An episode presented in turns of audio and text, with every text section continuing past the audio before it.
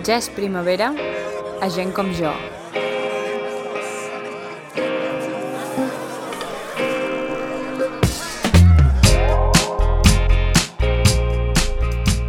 Bona tarda, com esteu? Benvinguts al Gent com jo d'avui, 1 d'abril. Aquí, Clara i Carla, i estem contentíssimes perquè ja és primavera. I, com bé sabeu, la primavera la sang altera i també ens ha alterat una mica el programa. Avui portem un especial Primavera Setmana Santa, on donarem la benvinguda a aquesta esperada estació de l'any. Primer de tot, però, volem anunciar que hem fet el pas i ja ens podeu trobar a les xarxes socials. Estem a Twitter, arroba gent com barra baixa jo, i a Instagram, arroba gent com jo, tot seguit on bueno, allà anirem, anirem penjant coses i podreu seguir els continguts dels programes i, bueno, i també les nostres històries vàries.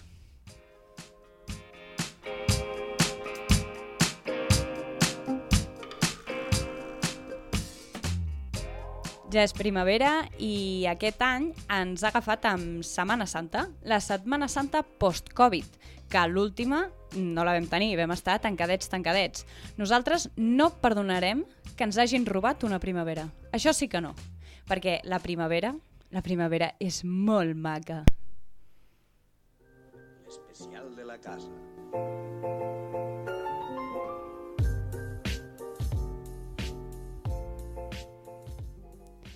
Sí, sí, que bonica que és la primavera.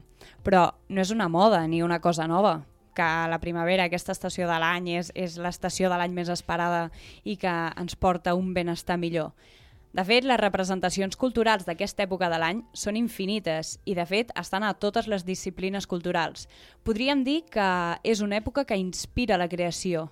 Hi ha més hores de sol, temperatures més agradables, que deixen enrere l'hivern ja d'una vegada per fi, més ganes de fer coses també...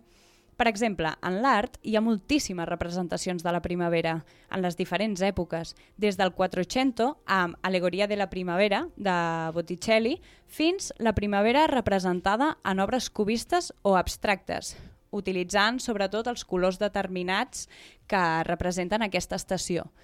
Tot això també passant, evidentment, per als impressionistes, que l'han representada molt i amb una bellesa extraordinària. Recordem els quadres de Monet, i Van Gogh, per exemple. A tu, Clara, el de El Mendrero en Flor és el que més t'agrada, no? Sí, sí, a mi m'encanta, la veritat. Em sembla un quadre pre preciós. Doncs mira, a mi el que m'agrada molt és el... Bueno, és un quadre superfamós, que és el dels girassols, de Van Gogh, que també, de fet, fa molta primavera.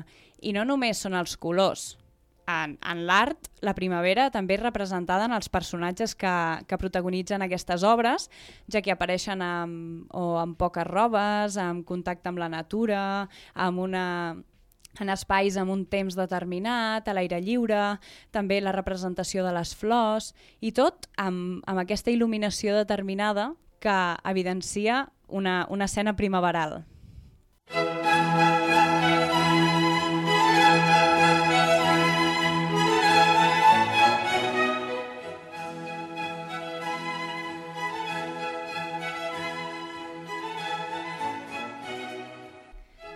I clar, en la música no podia faltar aquesta representació de la primavera. L'obra que escoltem és una de les obres més populars de la música clàssica, La primavera, de les quatre estacions de Vivaldi. És una obra del 1723 i en algun moment o altre tots l'hem escoltada i de fet també en música, però fent un salt abismal en el temps, l'any 2005 ens endinsava la primavera aquesta cançó tan buenrollera i estupenda dels delinqüentes, que segur que també molts coneixeu o l'heu escoltat en algun moment. No te pongas triste ni tampoco me recites, te aconsejo yo. Aquesta cançó jo la vaig descobrir a, en uns campaments d'estiu, però potser de fa rotllo, rotllo 7 anys, i t'ho juro que encara em, no m'he cansat, és una cançó que no m'he cansat. Un ventilador fue el primer regalo pa' que que se quiten las nubes grises en los días malos, que se lleve la basura de los aires contaminados. La primavera trompetera ja llegó i gràcies primavera per arribar. I els qui també li canten a la primavera són els Estopa, que van treure aquesta cançó l'any 2011.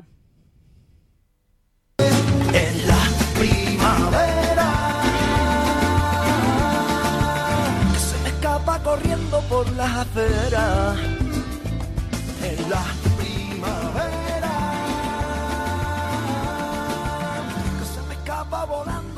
donde tú quieras. Que I canviant de disciplina anem cap a la literatura. I si parlem de literatura i primavera, crec que és importantíssim i indispensable parlar de Mercè Rodoreda. Rodoreda Rodoreda, perdó, tracta molt bé la primavera. Se sent a gust en ella, a gairebé totes les seves obres i apareix representada amb una bellesa impoluta. Però sobretot el tracte i l'estima que té per les flors, que són un element recurrent per tota la seva, la seva obra literària. Val la pena agafar i tastar la seva obra Viatges i flors, un recull de textos breus on les flors són les protagonistes i que va guanyar el Premi Crítica Serra d'Or l'any 1980. Però la primavera, per Mercè Rodoreda, va més enllà de les flors. És la natura en general, l'estat d'ànim dels personatges, la serenor i la tendresa que aporta aquesta estació de l'any. Deixa'm, Clara, que et llegeixi aquest, aquest fragment de Mirall Trencat de quan Salvador Valldaura i Teresa, la, la protagonista, es casen, que passa la primavera.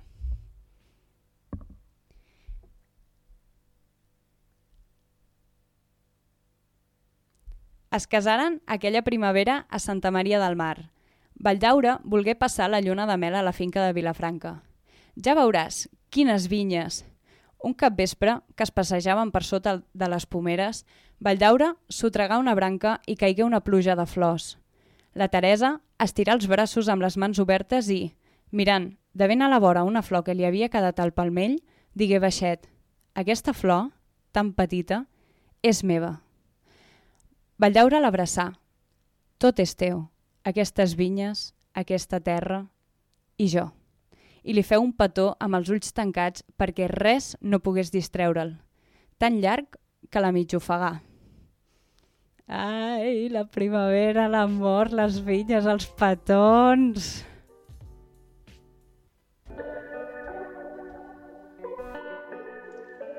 Gent de carrer. El gent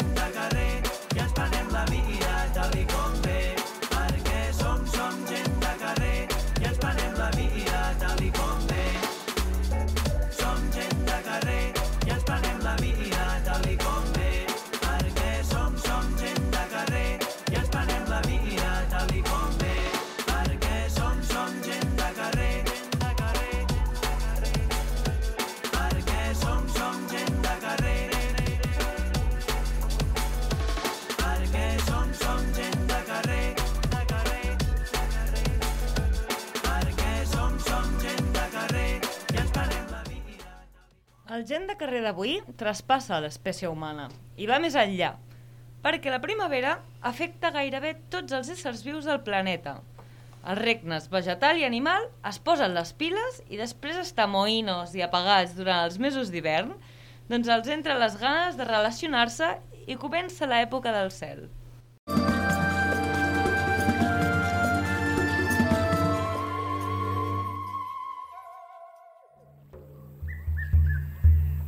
En esta época, cuando el clima ha cambiado y hay comida por todas partes, los animales se preparan para traer al mundo su descendencia.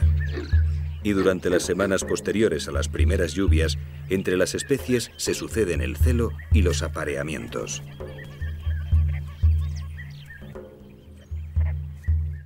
Anem a de los apareamientos. Aquí és quan, quan comencen a passar moltes coses i a vegades una mica estranyes, escenes de cortejo, de balls, les hormones disparades, baralles per aconseguir la parella, una multitud de coses i tot per arribar a la copulació.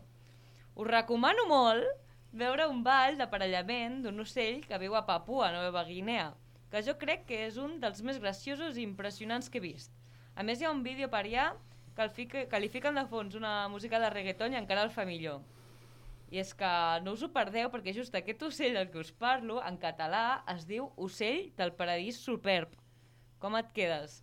No es pot tenir més flow, la veritat. En fi, llavors, Carla, puja't al micro perquè et proposo un joc. A veure, em fas que- una mica de por. I és que he portat àudios d'animals aparellant-se. Llavors, jo els poso i, bueno, tu has d'adivinar quin animal és. Vale?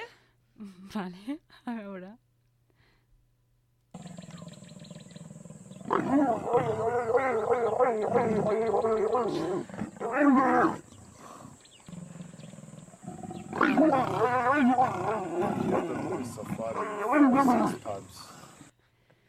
Vale. A veure, què No, creus? bueno, per començar, no sé si realment és algú aparellant-se o algú patint I és molt. que a vegades va de la mà, eh? Eh, hòstia. Vale, jo... A veure, he sentit per aquí un rugido. Vale. Jo crec que potser és un lleó, Mm, Bueno, és un felí, un tigre de Bengala, una pantera, quasi... un gapard... Un gepard! Ah, bé, bé, bé. Bueno, estava... Ho he vist. fet molt bé, la veritat. Molt Aviam bé, el bé. segon. Aquest és més sutil, eh? Hem d'estar més atents.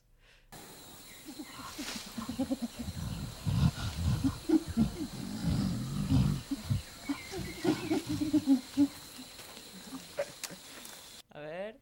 Vale, uh, diria és, és uh, un mico, un orangutan, un goril·la, algú... És un goril·la. Vale, és, és un primate, es diuen primates, És un no? primat que s'assembla molt als nostres sons. De veritat? Home, el... Aquest? Sí. Va, sí, reconeixem-ho, sí. Vale, i aquest és el tercer que jo crec que és el millor perquè és bastant sorprenent. A veure si el saps adivinar.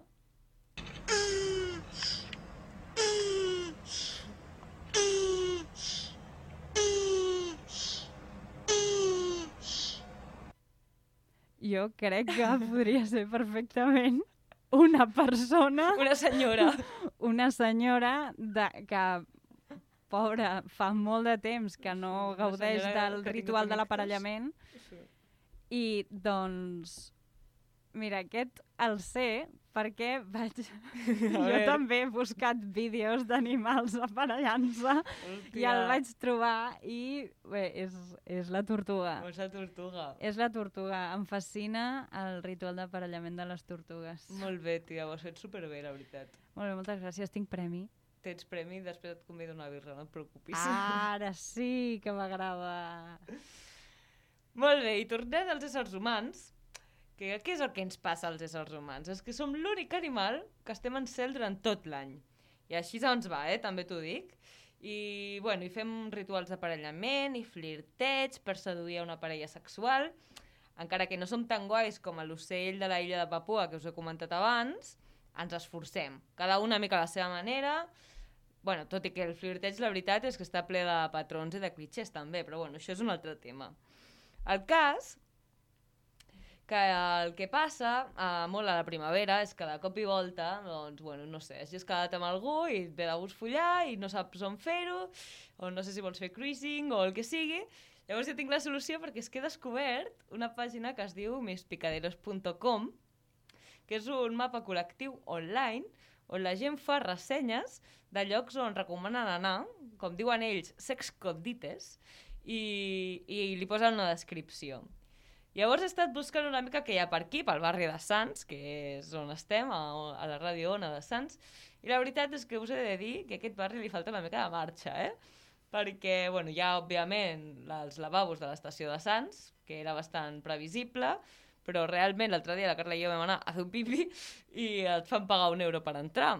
I hi ha sempre molt de control, o sigui que no sé, jo tampoc si és molt bon lloc, però bueno, Ens estan robant els picaderos. Sí, no? Ens estan controlant tots. I, I després hi està el pàrquing de la Bordeta, que també està recomanat, i un que m'ha fet gràcia, que és el pàrquing d'una escola que es diu el Polvorí. I bueno, i, però poca cosa més. Però bueno, el que us he de dir és el que més m'ha agradat és que és un a Sant Cugat, que és on jo visc, que recomanen molt els jardins d'Esade. Esade, l'escola de, de negocis. I diu, la recomanació, En los jardines de Sade es un lugar con poca luz y algún árbol.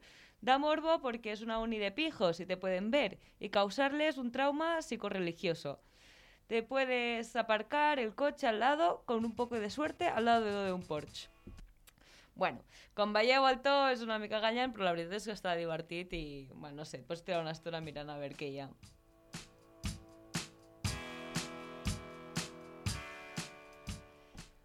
Vale, i avui, com va de mapes, un altre mapa que us vull explicar, però aquest és molt més maco, s'ha de dir, és el de Queering the Map.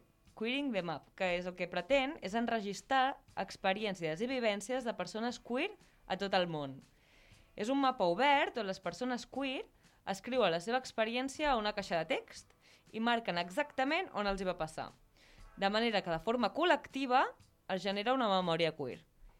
Hi ha algunes vivències escrites que fan referència a un espai de resistència col·lectiva i d'altres que són memòries individuals d'usu- d'usuaris anònims.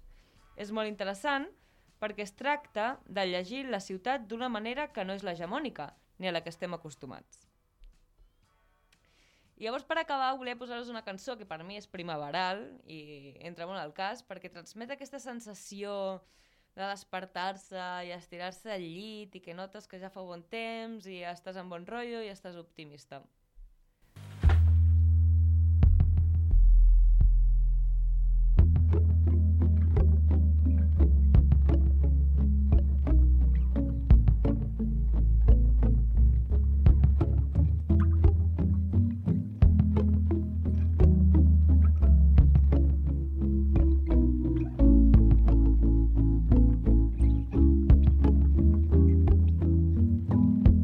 Spent the whole day in my head.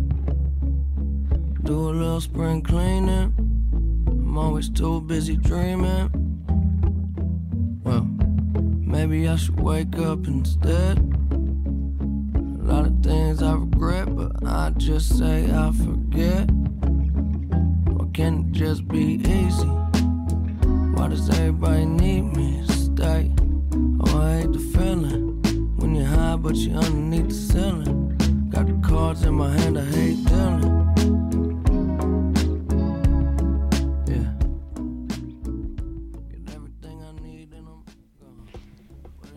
És, és impressionant com la, bueno, com les músiques jo crec que ens acompanyen i sobretot també en, en aquesta època de l'any.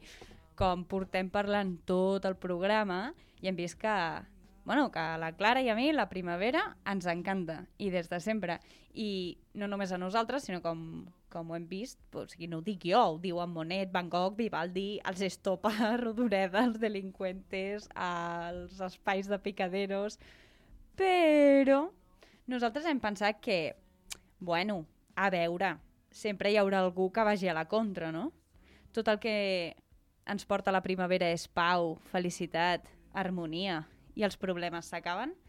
Ahà, estem en el 2021, Ais, estem volcats en una cosa que, bueno, crec que es diu pandèmia o alguna així, i que és horrible, per favor, que s'acabi ja. Anem a fer, primer de tot, uns updates, si podem, de la Setmana Santa que ens espera.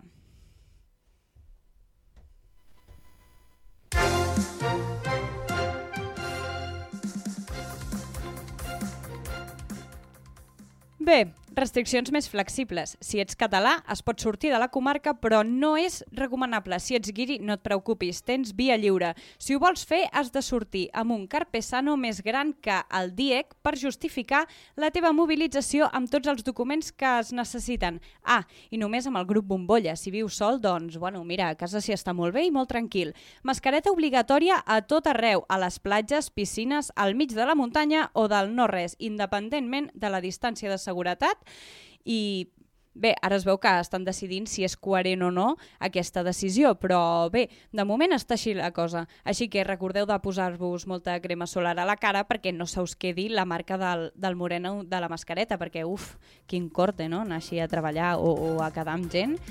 Eh, pel que fa al temps, havia de fer un temps de merda, amb núvols, pluges i bé, resignació i tirar endavant, no? Bueno, Setmana Santa almenys és festa, però es veu que al final farà bon temps i serà bastant agradable. Per això és important també posar-se crema solar, perquè llavors podreu prendre el solet i fer una mica de bronzo. Ah, i les flors, els arbres floriran i els paisatges seran preciosos. Ho sabreu perquè en tindreu l'Instagram ple. I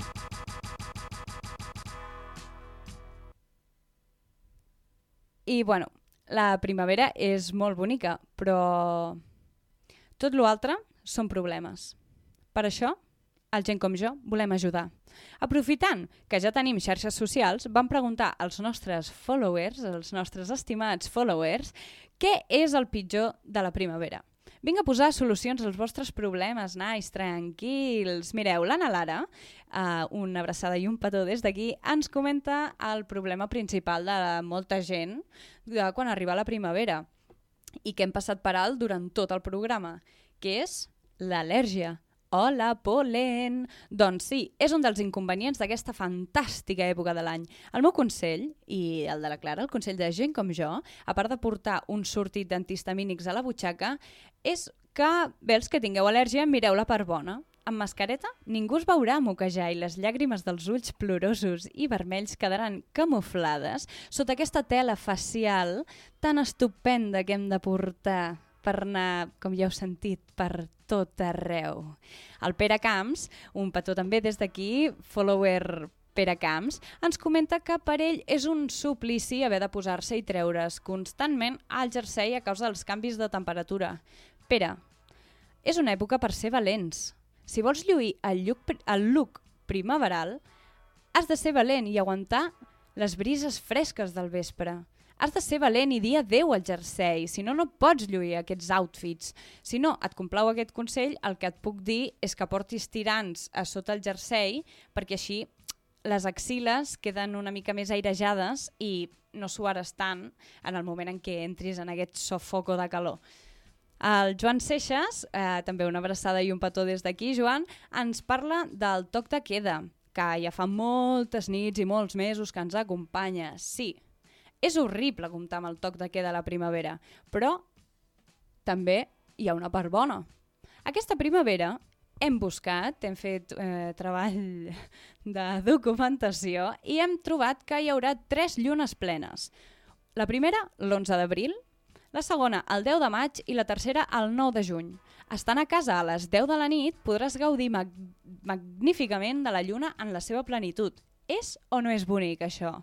I el Joan Vera, que també li enviem una abraçada des d'aquí, ens comenta que el pitjor de la primavera són els tolais del gimnàs que, que hi van a fer l'operació biquini.